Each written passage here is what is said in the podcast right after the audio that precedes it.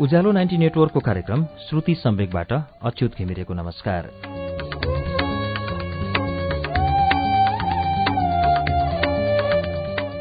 उज्यालो ninety network काठमाडौँसँगै देशभरिका विभिन्न FM स्टेशनहरूबाट एकैसाथ हरेक मंगलबार र शुक्रबार राति सवा नौ बजे कार्यक्रम श्रुति सम्वेक प्रसारण हुन्छ। श्रुति सम्वेकमा हामी वरिष्ठ लेखकहरूका उत्कृष्ट कृतिहरू वाचन गर्दछौं।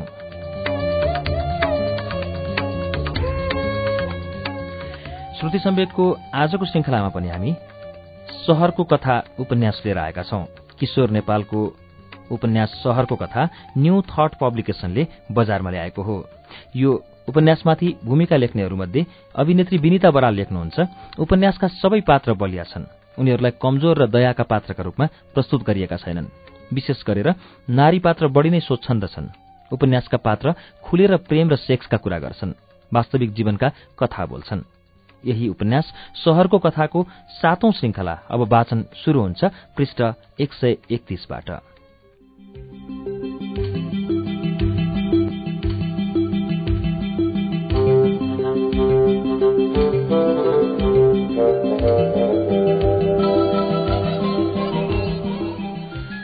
म बिउजिँदा दिन निकै घर्किसकेको थियो। मेरो चेतनामा हिजोका घटनाक्रमहरू खेलिरहेका थिए। किन त्यति उदार भएकी थिए मानुसी मसँग? के ऊ साँच्चै मसँग आसक्त थिए पहिलेदेखि नै? बेलायत जानुभन्दा पहिले उसले कहिले पनि त्यस्तो आसक्तिको सङ्केत दिएकी थिएन। मसँगको सम्बन्धमा सधैँ एउटा रेखा कोरेकी थिए उसले निकै मोटो रेखा। त्यो रेखाको दुवै टुप्पोमा आकर्षणको कुनै सम्भावना नै थिएन। अहिले आएर उसको व्यवहार किन यति नजिकिएको थियो?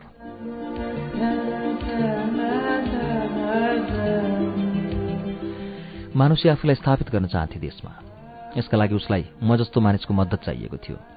किनभने ऊ बेलायत र नेपालमा एकैसाथ सक्रिय हुन सक्दैनथे ऊ चाहन्थे उसले चलाउन खोजेको सेवा अभियानको अभियन्ता म। कुरा यति मात्रै पनि थिएन। बेलायतको सरकारी र सामाजिक क्षेत्रमा उसको हैसियत स्थापित भइसकेको थियो। आर्थिक हिसाबले पनि उसले मभन्दा धेरै योग्य व्यक्तिहरूलाई आफ्नो सेवामा लिन सक्दथे। देशमा अभिनन्दनकर्ताहरूको एउटा ठूलो भिड नै खडा भइसकेको थियो जसले ठूला बडाको अभिनन्दन गर्ने आन्दोलन नै चलाइरहेको थियो। अभिनन्दनकर्ताहरूको त्यो भिडले आफ्नै मानुसी धरतीपुत्री मानुसीको अभिनन्दन नगरे त सम्भावना नै थिएन। एक सय एक कहलिएका विद्वानहरू उसको पाइताला चाट्न समेत तयार हुन सक्दथे। तैपनि उसले मलाई नै खोजी र मलाई नै सोची। किन सोची मलाई?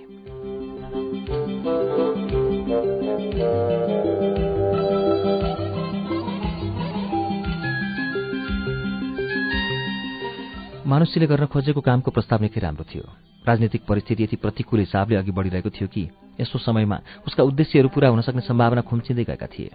मानुषीले धेरै सोचेकी थिइन यति मात्रै कि ऊ बेलायतमा बसेर पनि देशभित्र आफ्नो आक्रामक उपस्थिति देखाउन नसकोस्। उसका केही विचारहरू थिए केही परिकल्पनाहरू जसलाई मौलिक भन्न त सकिँदैनथ्यो तर यी विचार र परिकल्पनाहरूलाई कागजमा पूरा गर्न जति सजिलो थियो त्यसमार्फत कसैलाई मोटिभेट गर्न त्यत्तिकै गाह्रो।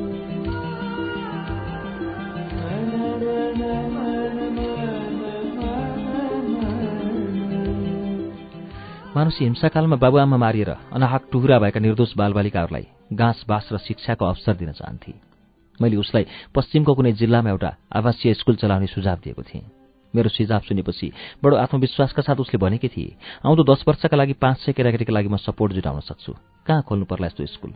मैले निकै बेर सोचेर भनेको थिएँ सुर्खेत। सुर्खेत वरपर कतै खोला। यसका लागि सुर्खेत नै उपयुक्त थलो हुन सक्थ्यो। हिंसाग्रस्त क्षेत्रहरूले चारतिरबाट घेरिएको यो ठाउँ हिंसाका बेलामा पनि र अहिले पनि मार्ने र मर्ने दुवै थरीको आश्रयस्थल भनेको थियो। हजारौंको संख्यामा मानिसहरू विस्थापित जीवन बिताइरहेका थिए यो ठाउँमा।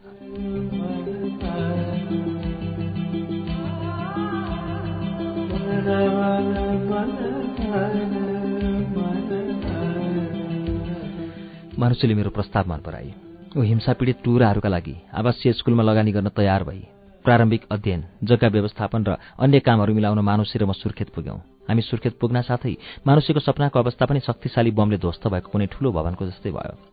हामी आवासीय स्कुलको सम्भावना खोज्न सुर्खेत पुगेको तेस्रो दिन हिंसात्मक आन्दोलनमा सक्रिय रहेका राजनीतिक कार्यकर्ताहरूको एउटा निकै ठूलो जत्थासँग हाम्रो भेट भयो। उनीहरूले भने स्कुल त खोल्नुहोस् तर स्कुल खोलेर मात्रै पुग्दैन। स्कुलमा पढ्ने केटाकेटीका बचेका परिवारको भरण पोषणका लागि पनि केही गर्नुपर्छ। यसका लागि तपाईँहरूले स्कुलमा लगानी गर्ने रकमको पच्चिस प्रतिशत हामीलाई लेबी बुझाउनुपर्छ। सालिन्दा।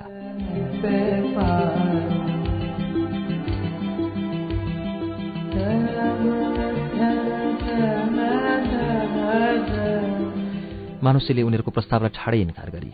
यो राजनीतिक ब्ल्याकमेलिङ थियो। हिंसा पीडित बालबालिकाको निशुल्क शिक्षा आवास र भोजनको व्यवस्था गर्न खोलिने स्कुलले बालबालिकाको गाँस काटेर उनीहरूलाई लेबी बुझाउने प्रस्ताव स्वीकार गर्न सकिने खालको थिएन। हामीले हिसाब गरेर हेर्दा झण्डै अढाई करोड रुपियाँ लेबीका रूपमा खोजेका थिए उनीहरूले। परिवर्तनको नाममा साँडे बनेका राजनीतिक ठगहरूलाई अढाई करोड रुपियाँ लेबी तिरेर मानुषी आफूलाई देशको केन्द्रमा स्थापित गराउन तयार थिएन। उसले आर्थिक लाभ खोजेकी थिएन। उसले खोजेको सामाजिक प्रतिष्ठाका लागि यो मूल्य साह्रै चर्को थियो। देशको विषम अवस्था देखेर ऊ निराश बनेकी थिए। हामी सुर्खेतबाट फर्केको भोलिपल्टै मानुषी लन्डनतिर लागि। जाने बेलामा उसले मसँग भनेकी थिए दाई मैले हिम्मत हारेकी छैन। अब के गर्ने र कसरी गर्ने सोच्ने काम तपाईँको।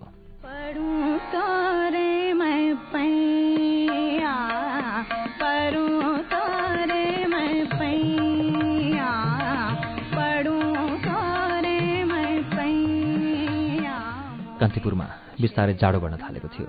सहर अस्तव्यस्त थियो। मानिसहरू तातोभन्दा पनि न्यानो लुगा लगाएर हिँड्न थालेका थिए। उनी स्वेटर र ज्याकेट लगाउने बेला अलि भइसकेको थिएन। सहरका बहुसङ्ख्यक मानिसहरू बिहानको उज्यालोसँगै फुल्दथे र साँझ घाम अस्ताउने बित्तिकै ओइराउन थाल्थे।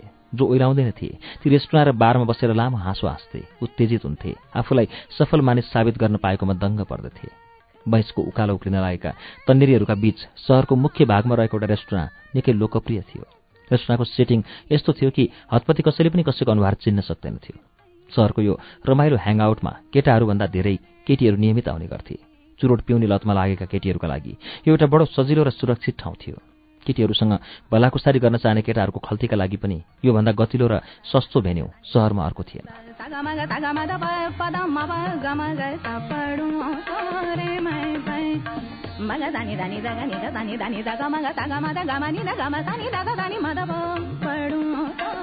एक साँझ म आफ्ना केही साथीहरूसँग त्यो रेस्टुरेन्टमा छिरेको थिएँ। कोलाहालपूर्ण थियो त्यहाँको वातावरण।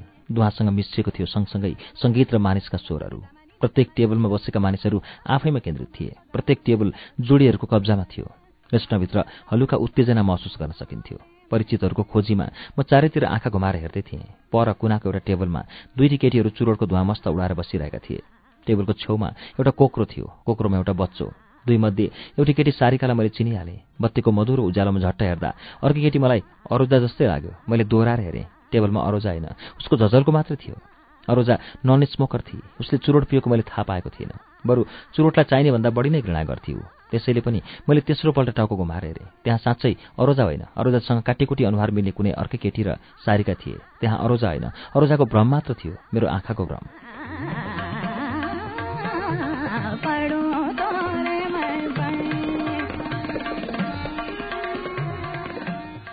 म ढुक्क भएँ। हो त अरोजा यसरी खुलेर केही पनि गर्न सक्दिनँ। रेस्टुरेन्टमा बसेर चुरोट पिउनु त टाढैको कुरा हो। सारिकाको कुरा अर्कै हो। सारिका डाइनामिक छे। सारिका एक्सट्रोभर्ट भइसकेकी छे। सारिका पम्पस छे। मैले सारिकालाई देखेँ पनि उसले मलाई देखिनँ। पछि निस्कने बेलामा झट्ट देखिर झसङ्ग भई र पुरै औपचारिक मुद्रामा बोल्न थाली। ओहो सर युआर हियर हजुरलाई भेट्छु भनेको टाइम नै दिएको होइन। मैले जवाफ दिएँ। तिम्रो लागि टाइम नै time. You're most welcome any time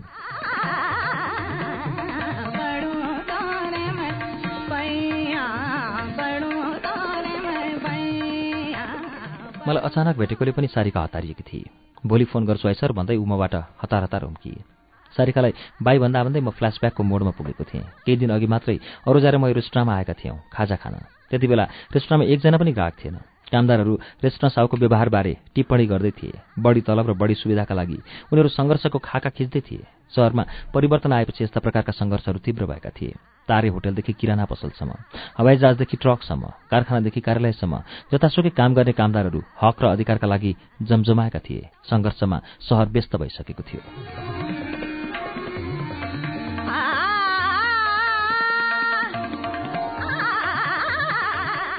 हामी दुवैसँग भन्ने कुराहरू केही पनि थिएनन्। सधैँ चाहिँ उसले गुनासो गरेकी थिए। काम पाइएको छैन अहिलेसम्म। निकै अप्ठ्यारो पर्न लागिसक्यो। तिमीले पटक्कै चासो लिइदिएनौ मेरो कामका बारे। मैले जवाफ दिएको थिएँ। हो अप्ठ्यारो परिसकेको छ। सधैँ अप्ठ्यारोमा बाँच्ने बानी परेका हामी जस्ताका लागि त्यो कुन ठुलो कुरा भएर? Cool cool Aroja cool. Take it easy I am hoping to settle things for you this week मलाई नै थाहा थिएन। कसरी सेटल गर्ने हो र के सेटल गर्ने हो? वास्तवमा अरोजालाई आश्वस्त पार्न त्यो वाक्य मेरो मुखबाट अनायास फुत्किएको थियो। अरोजाको प्रतिक्रिया थियो। अघिल्लो हप्ता पनि तिमीले त्यसै भनेका थियौ। मैले जवाफ दिएको थिएँ हुन्छ। जीवनमा कहिलेकाहीँ त्यस्तो हुन्छ। आशा छाड्नु हुँदैन।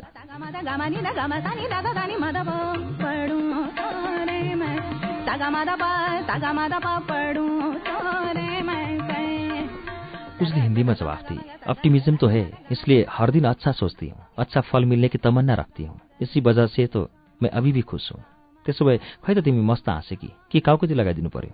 त्यो साँझ फ्ल्यासब्याकबाट फर्केर पनि रेस्टुरेन्टमा बसेर म अरूजाको बारेमा नै सोच्न थालेँ।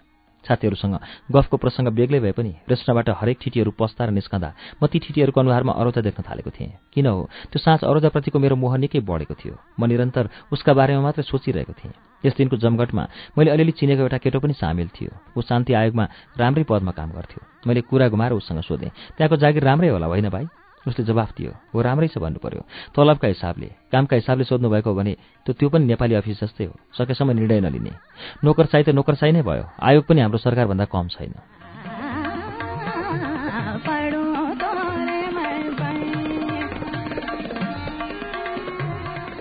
मैले सोधेँ किन र त्यहाँ पनि चाकडी चल्छ? चल्छ नि किन चल्दैन? नेपालीहरू त अङ्ग्रेजसँग नाता जोड्न पनि खप्पिस छ नि दाई त्यहाँ काम गर्नेहरू पनि उस्तै हुन्। उनै मानिस उही वातावरण। त्यहाँ सबै युरोप र अमेरिकाका मात्रै पनि त छैनन् नि। मेरो अनुभवमा त युरोप र अमेरिकाका मानिसहरू झन् खत्तम हुन्छन्। चाकडी खोज्ने मामिलामा एसियाका मानिसभन्दा पनि जुत्था किन र दाइ निकै चासो राख्नुभयो नि? मैले जवाफ दिएँ। मलाई पनि एक दुईजना इष्टमित्रले भनेका छन्। छोराछोरीलाई त्यहाँ जागिर खुवाएर भविष्य बनाइदिने ठुलो रहर छ उनीहरूको। मलाई कसैले आयोगमा छोराछोरीलाई जागिर लगाइदिन अनुरोध गरेका थिएनन्। मेरा आफन्तहरू कोही पनि आयोगमा जागिर खाने हैसियतका पनि थिएनन्। मैले यो प्रसङ्ग अरोजाका लागि मात्र निकालेको थिएँ। अरोजा आयोगमा काम गर्न चाहन्थे। धेरै भए पनि म उसका लागि सम्भावनाहरू खोतल्न थालेको थिएँ।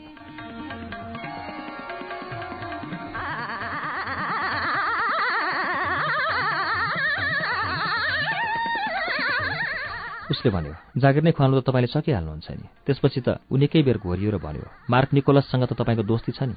पर्सनल डिपार्टमेन्टको चिफ उही हो उसैले हेर्छ। उसलाई अलिकति हिन्ट गरिदिनु भयो भने त काम भइहाल्छ नि।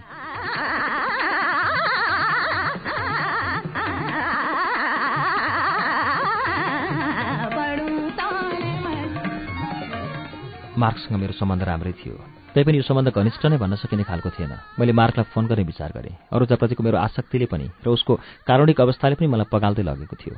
मलाई थाहा थियो अरूजामा कुनै पनि सङ्गठित र अनुशासित संस्थामा काम गर्ने क्षमता विकसित भइसकेको थिएन। प्लस टू पास गर्नु कुनै योग्यता थिएन तर उसको अनुहारमा देखिने इमान्दारी अबोध सौन्दर्य र स्वभावमा चञ्चलता नै मेरा लागि उसका योग्यताहरू थिए। ऊ आफूप्रति चाहिने भन्दा बढी नै इमान्दार थिए। कामप्रति इमान्दार बन्न सक्ने खुबी विकसित भएको थिएन उसमा।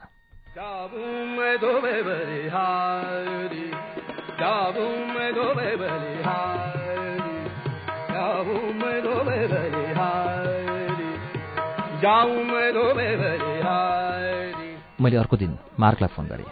मेरो आवाज सुनेर ऊ खुसी भयो। हामीले त्यसै दिन सहरको एउटा राम्रो बारमा भेट्ने समय मिलायौँ। साँझ म त्यो बारमा पुग्दा मार्क फ्रन्ट डेस्कमा बसेर बियर पिउँदै थियो। उसले सोध्यो के पिउने? मैले हुस्कीमा आफ्नो रुचि देखाएपछि मार्कले भन्यो म पनि हुस्की नै पिउँछु। बियर त तिमीलाई कुर्नका लागि मात्र पिएको हो। कसैलाई कुर्नु पर्यो भने बियरले समय कटाउन मद्दत गर्छ। मलाई मार्कको कुरो बुझ्न बेर लागेन। निर्धारित समयभन्दा म आधा घन्टा ढिलो आइपुगेको थिएँ। मैले आफ्नो घडी हेरेँ। निकै ढिलो चलिरहेको मेरो घडी अनुसार समय ठिकै भए पनि चालु समय झण्डै आधा घन्टा अघि सरिसकेको थियो। मलाई पनि लाज लाग्यो। समयको कुरामा मैले आफूलाई एकदमै पर्फेक्ट ठान्ने गरेको छु। अझ विदेशीहरूका बीच त एक मिनट पनि तलमाथि नगर्ने मानिसका रूपमा चिनिएको थिएँ। तर यो पटक मेरो घडीले मेरो यो रेपुटेसनलाई धक्का दिएको थियो।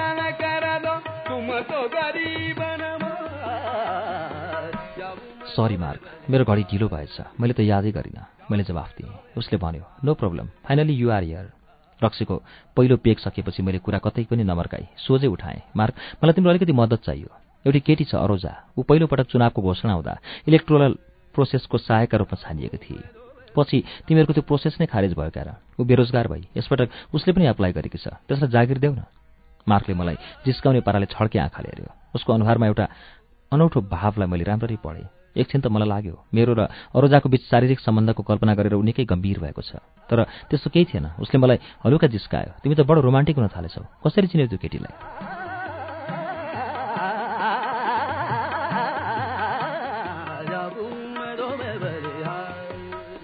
मैले म रोमान्टिक भएको छैन भनेर इन्कार गरिनँ। इन्कार गरेकै भए पनि उसले मेरो कुरा पत्याउने थिएन। मैले भने त्यो केटी राम्रै छैन र? मार्कले जवाफ दियो। हो मैले राम्रोसँग चिनेको छु उसलाई। ऊ राम्री पनि छ इमान्दार पनि छ र अरूको तुलनामा तिखारिएकी पनि। तर ऊ एउटा प्रब्लम गर्ल हो। कुनै एउटा विषयमा केन्द्रित नै रहन सक्दिनँ। मैले जिस्काएँ। तिमी त मभन्दा पनि रोमान्टिक रहेछौ नि त। मार्कको अनुहार चमक्क चम्कियो। उसको अनुहारमा आएका भावहरूले बताइरहेका थिए। उसको पुरै जीवनमा उसलाई रोमान्टिक भन्ने पहिलो व्यक्ति म मात्रै थिएँ। ऊ काम गरिरहेको सामान्य अवस्थामा उसको आकार र अनुहारमा रोमान्स जस्तो कुनै तत्त्व फेला पार्नु गाह्रै पर्दथ्यो। अन्तर्राष्ट्रिय संस्थामा काम गर्ने भएकोले होला। ऊ आफूलाई आवश्यकताभन्दा बढी नै बोजिलो र गम्भीर देखाउने प्रयत्न गर्थ्यो।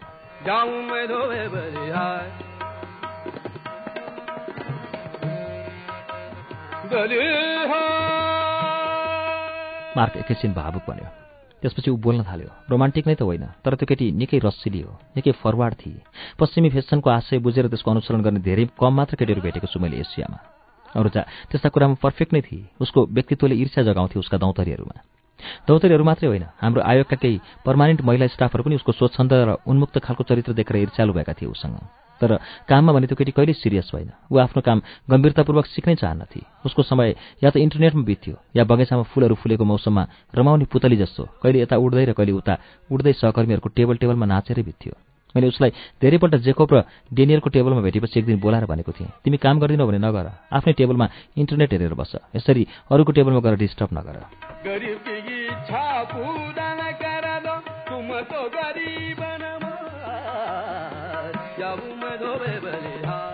त्यसपछि मार्क हाँस्यो र उन्मुक्त भावले भन्यो तिमी उसले फेरि काम पाओस् भन्ने चाहन्छौ भने म प्रयास गर्छु। निकै गाह्रो छ। उसलाई हाम्रो इभ्यालुएसन सिस्टमले डार्क एरियामा राखेको छ। त्यसो त म पनि उसले काम पाओस् नै भन्ने चाहन्छु। तिम्रो देशमा अहिले यो शून्यको वातावरणमा काम गर्ने कसैका लागि पनि प्रेरणा र उत्साह दुवै हुन सक्छ अरूजा। यति हो कि ऊ कसैको पनि राम्रो सहायक हुन सक्दैन। अरूजालाई काम दिलाउने प्रयत्नमा मार्कसँग बिताएको साँझ उपलब्धिमूलक हुन सकेन। उसको कुरा पोजिटिभ भए पनि उसबाट अरूजाका लागि केही हुन सक्ने सम्भावना मैले देखिनँ। बेरोजगारीको चर्चा गर्दा गर्दै अरूजाले एकपल्ट मलाई भनेकी थिए आयोग होस् वा नियोग।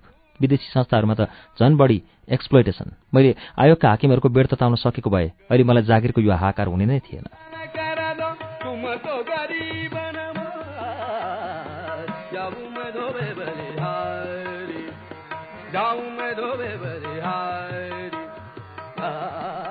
अरूजाका बारे मार्कसँग कुरा गर्दा मैले थाहा पाएको अर्को कुरा निकै रोचक थियो। पर्सनल डिपार्टमेन्टमा जागिरका लागि आएका निवेदनहरूको मूल्याङ्कन गर्ने सराहा समलिङ्गी आइमायो ऊ अरोजा जस्ता केटीहरू भनेपछि भुतुक्कै मर्न खोज्छे। पुरुषप्रति उसको घृणा हदैसम्म गइरिएको छ। मार्कले पुरुषप्रति सराहाको घृणाको कारण पत्ता लगाउने प्रयत्न गरेको थिएन। सराहले अरोजालाई आफ्नो पार्टनर बनाउन निकै कोसिस गरेको सुइँको उसले पाएको थियो। अरोजा समलिङ्गी सम्बन्धसँग घिनाउँथे त्यसैले पनि अरोजाका लागि आयोगमा छिर्ने सम्भावनाका ढोकाहरू बन्द भए जत्तिकै थियो। मैले अरोजालाई एउटा अर्को अन्तर्राष्ट्रिय संस्थामा पनि जागिर खुवाउने प्रयास गरेको थिएँ। विकासका रणनीतिहरू निर्माण गर्ने त्यो संस्थाको प्रमुखसँग मेरो अलिकति जान पहिचान र अलिकति मित्रता थियो। क्यारेबियन मूलको त्यो जर्मन नागरिक। आफूलाई संविधानविदका रूपमा प्रस्तुत गर्ने गर्दथ्यो। मैले उसलाई एक साँझ डिनरको निम्तो दिएँ। उसले खुसी हुँदै मेरो निम्तो स्वीकार गर्यो। ठमेरको एउटा निकै राम्रो नेपाली रेस्टुराँमा सात आठ पेग हुस्की पिसकेपछि मात्रै ऊ डिनरका लागि तयार भएको थियो। खाना खाँदै गर्दा अलिकति प्रसङ्ग मिलाएर मैले भने तिम्रो संस्थालाई काम गर्न सक्ने चल्ता पूर्जा केटीहरू चाहिएका छैनन्?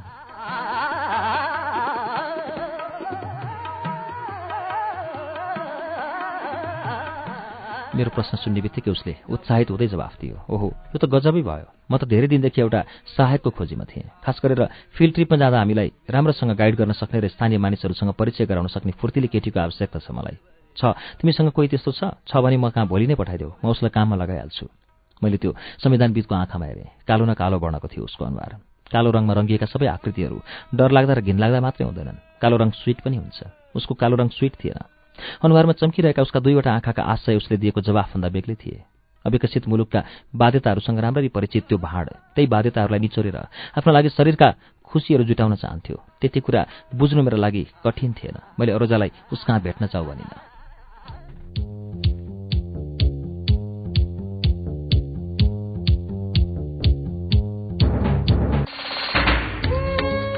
कार्यक्रम श्रुति सम्वेगमा हामीले अहिले सुनिरहेको वाचन किशोर नेपालको उपन्यास सहरको कथाको वाचन हो। यसको बाँकी अंश केही बेरमा वाचन हुनेछ। उज्यालो सुन्दै गर्नुहोला।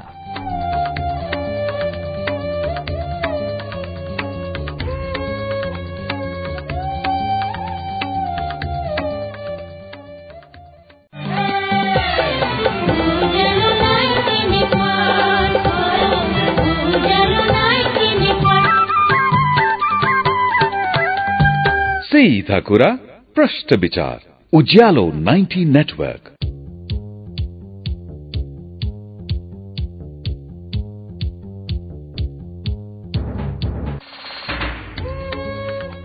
कार्यक्रम श्रुति सम्वेक तपाईँ अहिले उज्यालो नाइन्टी नेटवर्क काठमाडौँसँगै इलाम एफएम रेडियो ताप्लेजुङ झापाको एफएम एचिट्युन्स र बिर्ता एफएम धरानको विजयपुर एफएम भोजपुरको रेडियो चोमलोङमा एफएम सिन्धुलीको रेडियो सहारा खोटाङको हलेसी एफएम बर्दिवासको रेडियो दर्पण सर्लाहीको रेडियो एकता रौतहटको नुन्थर एफएम रामेछापको रेडियो तीनलाल खोटाङको हलेसी एफएम दोलखा जिरीको रेडियो हिमाली नुवाकोट एफएम मकवानपुरको हेटौँडा एफएम र प्रतिध्वनि एफएम चितवनको रेडियो अर्पण रेडियो त्रिवेणी र रेडियो चितवनमा पनि सुनिरहनु भएको छ। त्यसै गरी फलेवासको रेडियो पर्वत रुकुमको रेडियो सिस्ने पाल्पाको श्रीनगर एफएम पोखराको रेडियो तरंग दमौलीको रेडियो भानुभक्त तनहुको रेडियो ढोरबाराही बागलुङको रेडियो सार्थी एफएममा पनि श्रुति सम्वेक सुन्दै हुनुहुन्छ। रेडियो प्युठान दाङको रेडियो मध्यपश्चिम बुटवलको तिनाउ एफएम र बुटवल एफएम गुल्मीको रेडियो रेसुङ्गा कपिलवस्तुको रेडियो बुद्ध आवाज रेडियो कोवलपुर सल्यानको रेडियो राप्ती जाजरकोटको रेडियो हाम्रो पाइला दैलेखको ध्रुवतारा एफएम कैलाली टिकापुर र गुलरियाको फुलबारी एफएम दाङको रेडियो प्रकृति एफएम सुर्खेतको रेडियो भेरी र बुलबुले एफएम जुम्लाको रेडियो कर्णाली हुम्लाको रेडियो कैलाश र कालीकोटको रेडियो नयाँ कर्णालीबाट पनि अहिले एकैसाथ श्रुति सम्वेक प्रसारण भइरहेको छ। श्रुति सम्वेगमा हामी आज किशोर नेपालको उपन्यास शहरको कथाको वाचन सुनिरहेका छौं। अब यसैको बाँकी अंश वाचन सुनौ।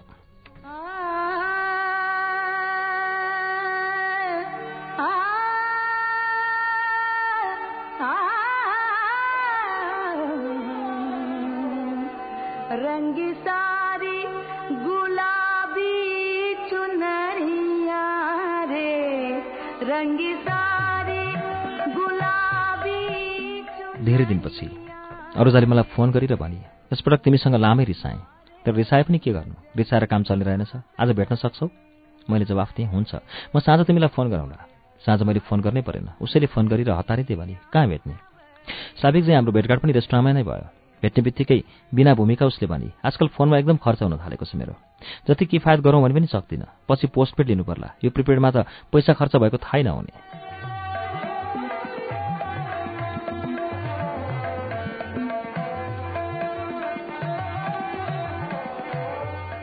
त्यसपछि उसले आफ्ना दुःखहरू सुनाउन थाली।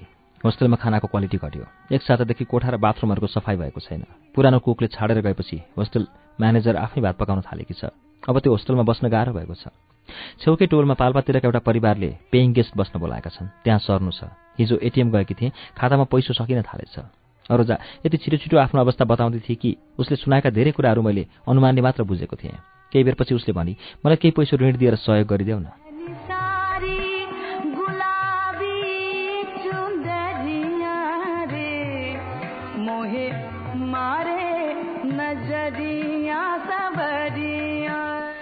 योभन्दा अघि पनि उसले दुई तिन पटक पैसा सापडी मागेकी थिए त्यस्तो बेला म सधैँ पन्सिने गरेको थिएँ। यसपटक मैले नाइ भन्न सकिनँ। खल्तीमा हात हाल्थेँ भने मसँग अहिले पाँच हजार छ। काम चलाउँदै गर पछि चाहियो भने माग। मैले खल्तीबाट पैसा झिक्न लाग्दा उसले भने अहिले होइन म यसरी खुलामा सबैले देख्ने गरी तिमीसँग कहाँ पैसा लिन्छु र? कसैले देख्यो भने? मलाई हाँसो उठ्यो। ऊ इज्जत सचेत भएकी थिए रेस्टुरेन्टबाट निक्लेपछि गाडी चढ्ने बेलामा मैले नोटहरूलाई केही बटारेर उसको हातमा राखिदिएँ। उसले बुझिर मेरो हातमा रहेको नोट समातिए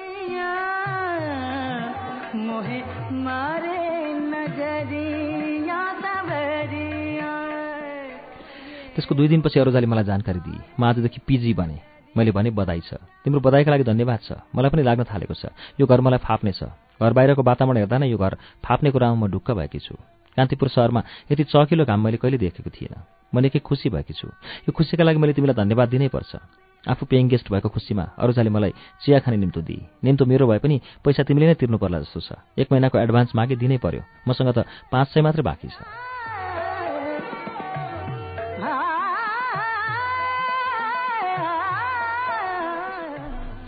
हामीले दिउँसोसँगै चिया पियौँ। उसले आफ्नो घरबेटीको बारेमा बताई। सानो परिवार रहेछ चारजनाको। छोरो चाहिँ मेरै उमेरको रहेछ। मानिसहरू राम्रै होलान् जस्तो लाग्यो। खाना पनि नमिठो छैन। निकै मानभाव राखेका छन्। कति दिनका लागि हो त्यो चाहिँ थाहा छैन। मैले जिस्काएँ। घरैमा आफ्नै उमेरको केटो भएपछि त के भयो र? तिमी मसियो भने केटाले लाइन पाइहाल्छ नि। त्यसपछि एकैपटक तिमी पेइम ग्यासबाट घरवाली बन्नेछौ मेरो कुरा सुनेर अरोजा हाँसेर भने केटो त्यस्तो मस्किन लागेको छैन। उमेरमा पनि मभन्दा एक डेढ वर्ष कान्छै होला ऊ। बिचराको बडीको ग्रोथ पनि राम्ररी भएको छैन। मान्छे राम्रै छ शरीरको बनौट रणवीर कपुर कटको तर ऊ मेरा लागि बनेको होइन। त्यसपछि ऊ आफ्नो पुरानै कुरामा फर्की। घर त सरेँ काम छैन। मलाई रोजगारी दिलाउन किन हेल्प नगरेको तिमीले? मैले जवाफ दिएँ तिमी साल्सा डान्स सिक। के गर्नु मैले साल्सा डान्स सिकेर उसले सोधी?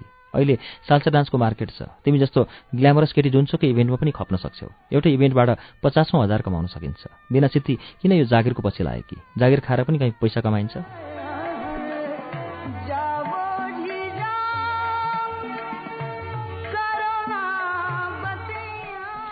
मेरो कुरा सुनेपछि अरू अरूजा एकाएक जङ्गी मसँग तिमीले मलाई बेस्या सम्झेको? म यो सहरमा नाचेर पैसा कमाउने? तिमी मलाई खालि खेलाउन मात्र चाहन्छौ? तिम्रो लागि म एउटा रमाइली पुतली जस्तै भनेकी छु। सधैँ रेस्टुरेन्टमा बोलायो खाजा खुवायो अनि बनायो तिम्रो ठट्टाको पात्र। अबदेखि तिमीसँग कहिले खाजा खान आउन्न? म मलाई तिमीहरूको जोकर नै भन्नु छैन। तिमीले मेरा समस्या कहिले बुझेन भने तिम्रो पछि किन लाग्नु? ऊ निकै बेर बडबडाइरही। आफ्नो मनका सारा भडासहरू एकैपल्ट ओकल्न खोजिरहेकी थिए म निर्विकार भावले उसको अनुहारमा हेरिरहेको थिएँ। एक प्रकारको मन पगाल्ने खालको टिठ थियो उसको अनुहारमा। उसले थाहै नपाई आँसुका केही थोपाहरू खसेका थिए उसको आँखाबाट। म स्तब्ध भएको थिएँ। साँच्चै नै मेरो हातमा केही पनि त थिएन। मैले उसलाई एडजस्ट गराउन सक्ने कुनै पसल थिएन कुनै संस्था थिएन कुनै एजेन्सी थिएन कुनै सरकार थिएन। अरोजाका अगाडि मेरो अवस्था त्यो पहाडको जस्तो थियो जो परबाट हेर्दा निकै हराभरा र सुन्दर देखिन्छ। छेउमा पुग्दा काली लाग्दो भिर मात्र फेला पर्छ।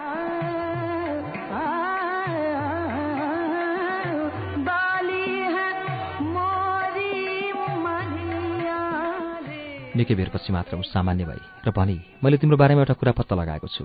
उसको वाक्यले म जसँग भएँ किनभने धेरै यस्ता विषयहरू थिए जसलाई म अरोजाको अगाडि उदाङ्गो पार्न चाहन्नथेँ मैले सोधेँ के पत्ता लगायो? उसको जवाफ थियो तिमी यो सहरमा बडो क्रूर बन्दैछौ मसँग। तर सहरबाट बाहिर गएपछि तिमी मलाई खुब माया गर्दा रहेछौ। बाहिर जाने बित्तिकै मेरो कम्पनी चाहिँदो रहेछ तिम्रो मन र आत्मालाई। मलाई पनि त्यस्तै हो। तिमी सहरमा भएका बेला तिमीसँग धेरै रिस उठ्छ। कस्तो वास्तै नगर्ने मान्छे जस्तो लाग्छ। तिमीसँग भेटिसकेपछि अबदेखि यो मान्छेसँग कहिल्यै भेट्दिन जस्तो लाग्छ। तर तिमी यहाँ नआउँदा तिमीलाई सम्झने बानी नै परिसकेको छ। किन बस्छौ तिमी कान्तिपुर? जाऊ बाहिर जाऊ। आजै गइहाल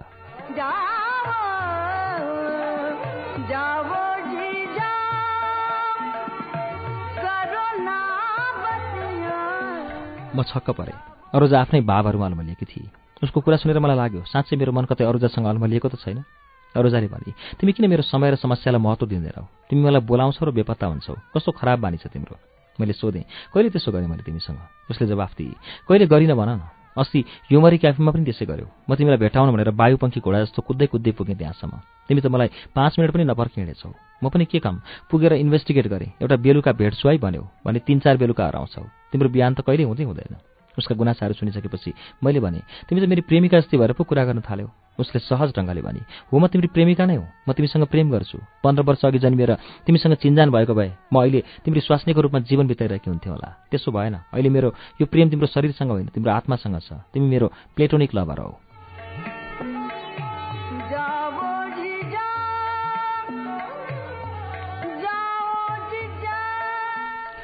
म एकपटक जससँग भएँ। केटीले आफ्नो मनका सबै कुरा बिस्कुन लगाइदिएकी थिए मेरो अगाडि। यो मेरो लागि सुखद कुरा थिएन। उसँगको सम्बन्धलाई ख्यालख्यालमा लिँदै आएको मेरो लागि एक प्रकारको आघात नै थियो यो।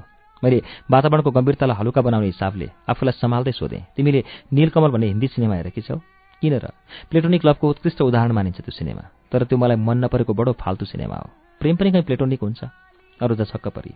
जवाफ कम्पोज गर्न उसलाई केही समय लाग्यो त्यसपछि भनी किन हुँदैन प्लेटोनिक लभ? तिमी जस्तो मानिस जोसँग जीवन राम्ररी कट्न सक्थ्यो भन्ने विश्वास छ भएको छ मलाई। सँग प्लेटोनिक लभको भन्दा अरू सम्बन्ध नजोडेको नै राम्रो। म एक्लै भएको बेला तिमी सधैँ मेरो छेउमा आकार बनेर उभिएको अनुभूति दिन्छौ र म सुरक्षित अनुभव गर्छु।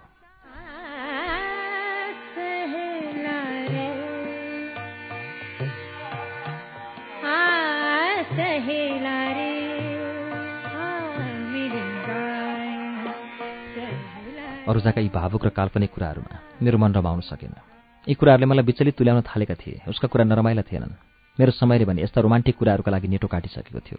मैले उसलाई वर्तमानको कठोर यथार्थसँग जोड्न खोजेर तत्काल प्रसङ्ग बदलेर उसलाई सोधेँ तिमी मसँग पोखरा जान्छौ? मेरो अफिसले कन्सल्टेन्सी सेवा प्रदान गरिरहेको एउटा ठूलो दात्री संस्थाले पोखरामा रिट्रिटको आयोजना गर्दै थियो। कन्सल्टेन्टको हैसियतले रिट्रिटको व्यवस्थापनका लागि अफिसले मलाई खटाएको थियो। रिट्रिटमा प्रमुख दात्री संस्थाका प्रमुख उपप्रमुख र अन्य अधिकारीहरू सहभागी हुने कार्यक्रम थियो। केही नेपाली विकासविद र योजनाविद पनि निम्ताइएका थिए। अरुजाले यो अवसरको फाइदा उठाउन सकोस् भनेर मैले मनमा नै उसलाई पनि पब्लिक रिलेसन सहायकका रूपमा सहभागी गराउने विचार गरेको थिएँ।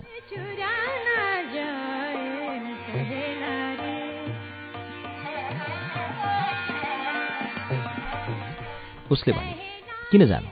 के भनेर जानु? कसैले कोसँग जान लागेको भनेर सोध्यो भने के भन्नु? तिमीसँगको दोस्ती मेरो लागि कहाँ सहज छ र? सहरमा तरुणी केटी बुढोसँग सल्की भनेर हल्ला चल्ला भने डर। अरूजा खिरखिलाएर हाँसी। उसको चर्को हाँसोले चिया पसलका सबै ग्राहकहरूको ध्यान तान्यो। सबै पल्याकपुलुक हामीलाई हेर्न थाले। हाँसो थामेपछि अरोजा आफै पनि लजाई मैले भने पोखरामा विदेशी दाताहरूको ठूलो जमघट हुँदैछ। मेरो संस्थाले रिट्रिटको आयोजना गरेको छ। त्यहाँ पुग्यो भने धेरै मानिसहरूसँग भेट हुन्छ। दात्री संस्थामा जागिर खाने तिम्रो आकाङ्क्षामा प्वाख उम्रिन सक्छ। मलाई कसले बोलाएको छ र जानु त? कि तिम्री मिसेस भएर जानु? उसले सोधी त्यो त केही फरक पर्दैन। म नै तिमीलाई मेरी मिसेस बनाएर लान्न। मेरी मिसेसलाई दात्री समुदायका सबै महत्त्वपूर्ण सदस्यहरूले चिनेका छन्। She is recognise as a highly dignified lady तिमी जान्छौ भन्छौ भने सहभागिताको व्यवस्था गर्ने जिम्मा मेरो। म तिमीलाई पब्लिक रिलेसन सहायकको रूपमा लैजान चाहन्छु। केही बेर अन्कनाय अरोजा उसका आँखा र अनुहारमा सन्देह र संशयहरू देखा परे। ऊ पब्लिक रिलेसनको जिम्मेवारी लिन चाहिने जति आत्मविश्वास छुटाउन सकिरहेकी थिएन। मैले उसलाई आश्वस्त पार्न खोजेँ। तिमीलाई दात्रीसम्मको नेटवर्किङमा घुसाउनु बाहेक अर्को कुनै अल्टेरियर मोटिभ छैन मेरो। काम सजिलो पारौँला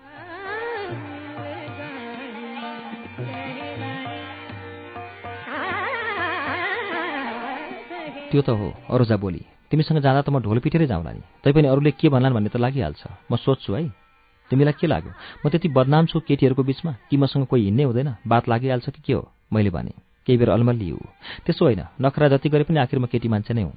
तिमीले म जस्तै पब्लिक रिलेसनको काम केही नजानेकी केटीलाई किन लग्यो भनेर चर्चा त भइहाल्छ। त्यसबेला म के जवाफ दिउँला अथवा तिमी नै के जवाफ दिलाऊ अचेल त अचेल म राम्रो काम गरौँ र राम्रो केटासँग बिहे गरौँ भन्ने सोचिरहेकी हुन्छु। त्यही भएर एकदम एलर्ट भयो कि मैले भने अवसर जुटाइदिने काम मेरो अवसरको उपयोग गर्ने नगर्ने इच्छा तिम्रो अरू मलाई केही भन्नु छैन।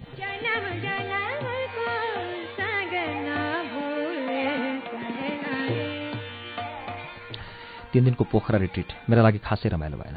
यस्ता धेरै रिट्रिटहरूमा कहिले धुलीखेल कहिले नगरकोट कहिले गोदावरी र कहिले पोखरा आवाजात गरिरहेकाले पनि मैले रमाइलो अनुभव गर्न नसकेको होला। बिहानदेखि बेलुकासम्म निरस विषयहरूमा छलफल गर्नु। आफ्नो मनले असत्य भनेर ठहराएका विषयहरूलाई सत्यको खोल उडाउन निरर्थकको बहस गर्नु आफूलाई हाँस्न मन नलागे पनि सहभागीहरू हाँस्दा उनीहरूको हाँसोमा हाँसो मिलाउनै पर्ने बाध्यतालाई बिहोर्नु। कहिले नचिनेका मानिसहरूसँग वर्षौँदेखि चिनेका मानिससँग जस्तो नक्कली अपनत्व देखाउनु र दाताहरूको सनकमा चलाइएका योजनाहरूको तारिफमा लक्ष्यदार टिप्पणी गर्नु सारांशमा रिट्रिटको उद्देश्य यही थियो। यति हुँदाहुँदै पनि रिट्रिटका केही विशेषताहरू थिए जसले मलाई रोमान्टिक बनाउने गर्दथ्यो। दात्री संस्थाहरूका विभिन्न विभागहरूमा काम गर्ने गोरा छालाका युवतीहरू आफ्नो विचारहरूले भन्दा शरीरले सहभागीहरूलाई आकर्षित गरिरहेका हुन्थे। खास गरेर चियाको बेला उनीहरू एकै ठाउँमा जम्मा भएर उपस्थित पुरुषहरूको कुरा काट्ने गर्थे। उनीहरूको छेउमा उभिएर कान चनाखो तुल्यायो भने को कस्तो छ? कसको स्वास्नीसँग राम्रो सम्बन्ध छ? कसको राम्रो छैन? सबैको नालीबेली थाहा हुन्थ्यो। नेपालीहरूको सोचाइको विपरीत गोरीहरू अर्काको कुरा काट्न बिछटै सिपालु हुन्थे।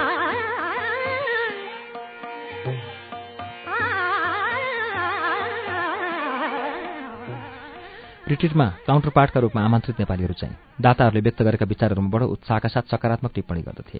उनीहरूलाई सायद यसैका निम्ति निम्ताइएको पनि हुन्थ्यो। तिनै कुराहरू दोहोरिए पनि यसपटक पनि।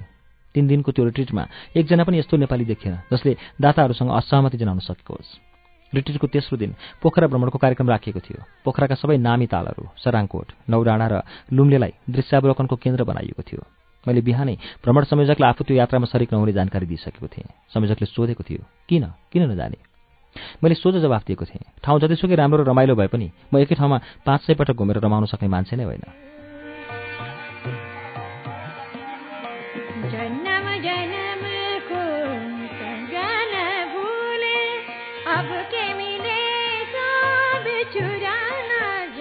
मेरो कुरा सुनेर ऊ मस्त हाँसेको थियो। तिम्रो लागि साँच्चै त्यो फाल्तु कुरा हो। तर हामी विदेशीका लागि कति रोमाञ्चक अनुभव होला त्यो होइन? दादा पर्यटकहरूको टोली प्रकृतिको समूहनमा रमाउन हिँडेपछि म आफ्नै पाराले पोखरा घुम्न निक्लिएँ। त्यो दिन ट्याक्सी हडताल रहेछ। त्यसैले सडक शान्त थियो। दुई चारवटा पर्यटक वाहन र एम्बुलेन्स बाहेक सडकमा एउटै पनि सार्वजनिक सवारी यहाँसम्म कि साइकल पनि चलेका थिएनन्। खुला सडकमा मानिसहरू निष्फिक्र हिँडिरहेका थिए। म फेवाको किनारै किनार हिँडिरहेको थिएँ। बिनासिती अधीर भइरहेको थियो मेरो मन। कहीँ पुगेर टक्क रोकिन चाहन्थेँ म। सडक छेउका कुनै पनि रेस्टुरेन्टले मलाई तान्न सकिरहेका थिएनन्। निकै तल पुगेपछि मैले एउटा रेस्टुरेन्टको साइनबोर्ड देखेँ। Something very hard. मेरा पाइलाहरू अनायास नै त्यो रेस्टुरेन्टतिर तन्किए। बाहिरबाट सानो देखिए पनि भित्र धेरै फराकिलो थियो त्यो रेस्टुरेन्ट फेवाको पानीको पानीले छोला छोला सोहुने गरी पचासौँ टेबलहरू सजाएर राखेका थिए त्यसभित्र। रेस्टुरेन्ट पुरै खाली थियो। बन्दको दिनमा त्यो पनि मध्याहको समयमा। ग्राहकहरूको चाप हुने कुरै थिएन। मैले देखेँ। पर दुईवटा टेबल जोडिएको छ र त्यसमा आधा दर्जन केटाकेटीहरू एकअर्कासँग छिल्लिँदै मस्किँदै बियरको आनन्द लिँदैछन्। ती आधा दर्जन मध्ये एउटीलाई मैले स्पष्ट चिने अरोजा। कति त्यो मेरो आँखाको भ्रम मात्रै त होइन। मैले तीन पटकसम्म घुरेर घोरिएर हेरेँ। ऊ अरोजा नै थिए।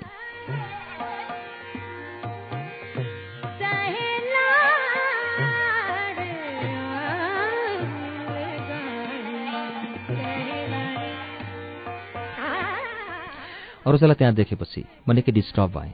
उसले मलाई नदेखोस् भन्ने लाग्यो मेरो मनमा। म रेस्टुरेन्टबाट छिटो छिटो बाहिर निस्केँ। मेरो मनमा कुरा खेल्न थाल्यो। यो केटी कति स्वार्थी रहेछ कति झुट बोल्न सक्ने रहेछ।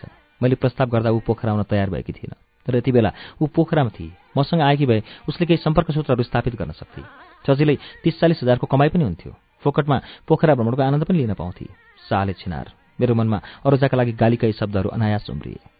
साँच्चै मसँग पोखरा आउन उसलाई केले रोकेको थियो? हुनसक्छ। यो उसको एउटा मानसिक अवस्था थियो। जुन अवस्थामा ऊ उमेरले आफूभन्दा सिनियरहरूसँग घुम्न रुचाउन्नथी बैंसको पालुवा चढ्न थालेका कोरेली केटीहरू बाच्छाहरूसँगै घुमफिर गर्न बढी रुचाउँछन्। जा जा रे अपने मंदिरवा जा जा रे अपने। रेस्टुरेन्टबाट निक्लिएर म पोखराका सडकहरूलाई एक्लै नाप्न थालेँ। लेक साइडदेखि महेन्द्र पुलसम्म र महेन्द्र पुलदेखि एयरपोर्टसम्म। म ओहोरदोहोर गरिरहेँ। सामान्य अवस्थामा भए यति हिँड्दा म थाकिसकेको हुन्थेँ। मेरो शरीर थकाइले भन्दा पनि अवसादले गलित भएको थियो। मन मनै म आफूलाई गिजाउँदै थिएँ खुसिङ बिहानै ग्रुपसँगै घुम्न गएको भए कम्तीमा यो दृश्य देख्नु त पर्दैन थियो।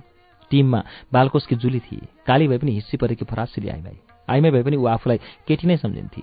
कहिलेकाहीँ सम्बन्धका बारेमा कुरा हुँदा नखरा पार्दै बोल्थे I am too young to understand such things त्यसपछि मरिमरि हाँस्थे। मरिससको बखान गर्दैथिए र भन्थे समुद्रको किनारैमा छ हाम्रो घर। हाम्रो घरलाई सुनामीले पनि डुबाउँदैन। त्यसलाई डुबाउन सुनामी आउनै पर्दैन जस्तो लाग्दछ। त्यो घरले अनेकौँ तुफान सहेको छ। मेरो बाजेले बनाउनु भएको थियो अरे त्यो घर। त्यसको जग मजबुत छ भन्नुहुन्थ्यो बाबा।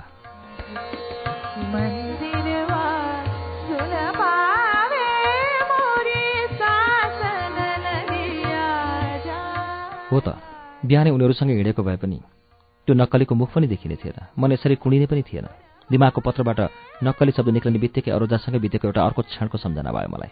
एकपटक कुरै कुरामा उसलाई मैले भनेको थिएँ तिमी सहरका नक्कलीहरूको लहै लहैमा नलाग है। त्यतिखेर म उसलाई ती केटीहरूबाट जोगिने सल्लाह दिइरहेको थिएँ जो मोजमस्तीका लागि आफ्नै साथीभाइहरूको दुरुपयोग गर्थे। सहरमा यस्ता केटीहरू ग्याङका ग्याङ नै सक्रिय थिए। अरूजाले उत्सुकता प्रकट गर्दै सोधेकी थिए के हो नक्कली भनेको? मलाई अचम्म लागेको थियो। त्यतिन्जेलसम्म उसलाई यो शब्दको ज्ञान थिएन।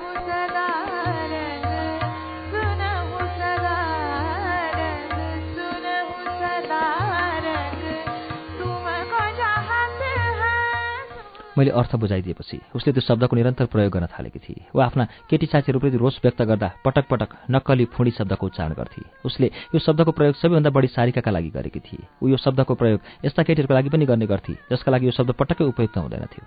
दिन जसो तसो बित्यो बडो गरुङ्गोसँग। साँझ डिनर टेबलमा बसेर हामी रिट्रिटको इभ्यालुएसन गरिरहेका थियौँ। मेरो मोबाइल बज्यो स्क्रिनमा देखियो अरोजा। मैले बिजी बटन दबाइदिएँ। तैपनि लगातार मोबाइल बजिरह्यो। लगातार अरोजाको नाम स्क्रिनमा देखा परिरह्यो। हार मानेर मैले मोबाइललाई साइलेन्स मोडमा राखिदिएँ।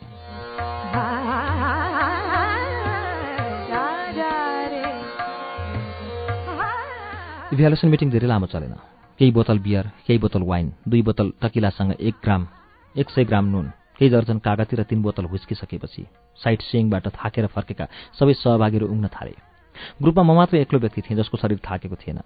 शरीर नथाके पनि मन थाकेको थियो मेरो। मन थाकेका बेला निद्रा पनि लाग्दैन। त्यसैले सबै गुड नाइट भनेर आफ्नो कोठामा गइसकेपछि पनि म डिनर टेबलमै रोकिएको थिएँ। थाकेको मनलाई अलिकति विश्राम दिन एक दुई पेग हुस्की थाप्ने विचारमा थिएँ म। तर डिनर सकेपछि त्यही टेबलमा हुस्की मगाउनु मलाई ठिक लागेन। त्यसैले म डाइनिङ हलसँगै जोडिएको बारमा पुगेर हुस्की पिउन थालेँ। मन मरुभूमि बनेको थियो। जति पानी हाल्दा पनि सोचेको सोचै गर्ने बालुवाको थुप्रो जस्तो। म हुस्की थप्दै गएँ। मनको मरुभूमिले त्यसलाई सोच्दै लग्यो।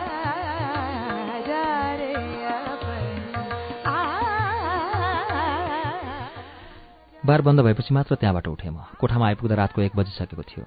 एका बिहानै मोबाइलले नै मलाई बिउजाइदियो। आवाज अरोजाको थियो। हेलो हजुर कहाँ हुनुहुन्छ? मैले जवाफ दिएँ। म यति बेला कहाँ हुनुपर्छ ओछ्यानमा? उसले भने होइन त्यो त मलाई पनि थाहा छ। तपाईँ पोखरामा हुनुहुन्छ कि फर्किनु भयो कान्तिपुर? मैले रुखो जवाफ दिएँ। I am in the hell जवाफ सुनेर ऊ जोडसँग हाँसी। यो उसको नक्कली हाँसो थियो भनेर छुट्याउन नसक्ने थिइनँ म। भनी त्यहाँ त म आउन्न। तपाईँ पोखरामा हो भने पनि म यहाँ आइ आइपुगेको छु साथीहरूसँग। हिजो मात्रै आइपुगेको। गाडी बिग्रेर ढिलो भयो। अरूजाले सिङ्गो झुट बोली। उसले पनि तिलमिलाइरहेको म। उसको झुटले झन् तिलमिलाएँ मैले उसको त्यो झुटमा कुनै प्रतिक्रिया दिइनँ। यति मात्रै भने ए ठिकै छ। म त कान्तिपुर फर्किन लागेको। मेरो जवाब सुनेपछि उसले भने भेट्न सकिँदैन त्यसो भए पोखरामा? अह सकिँदैन। म त एक घन्टाभित्र कान्तिपुर पुगिसकेको हुनेछु। भेट्न मन लागिहालेछ भने उतै भेटौँला।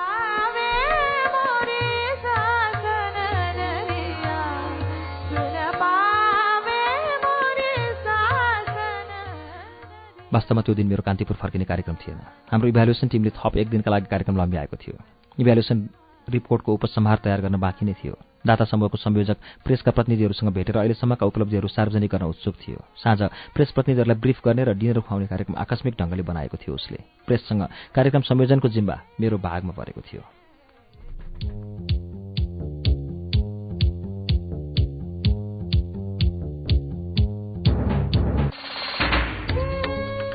श्रुति सम्वेकमा अहिले हामीले सुनेको वाचन किशोर नेपालको उपन्यास सहरको कथाको वाचन हो। यसै वाचनसँगै अब आजलाई कार्यक्रम श्रुति सम्वेकबाट विदा लिने बेला भएको छ। विदा हुनु अघि हाम्रो ठेगाना कार्यक्रम Shruti Sambeg Ujyaalo ninety network post box number छ चार छ नौ काठमाडौँ। यदि तपाईँ इमेलबाट आफ्नो प्रतिक्रिया दिन चाहनुहुन्छ भने हाम्रो इमेल ठेगाना S H R U T I Shruti at U N N dot com dot N P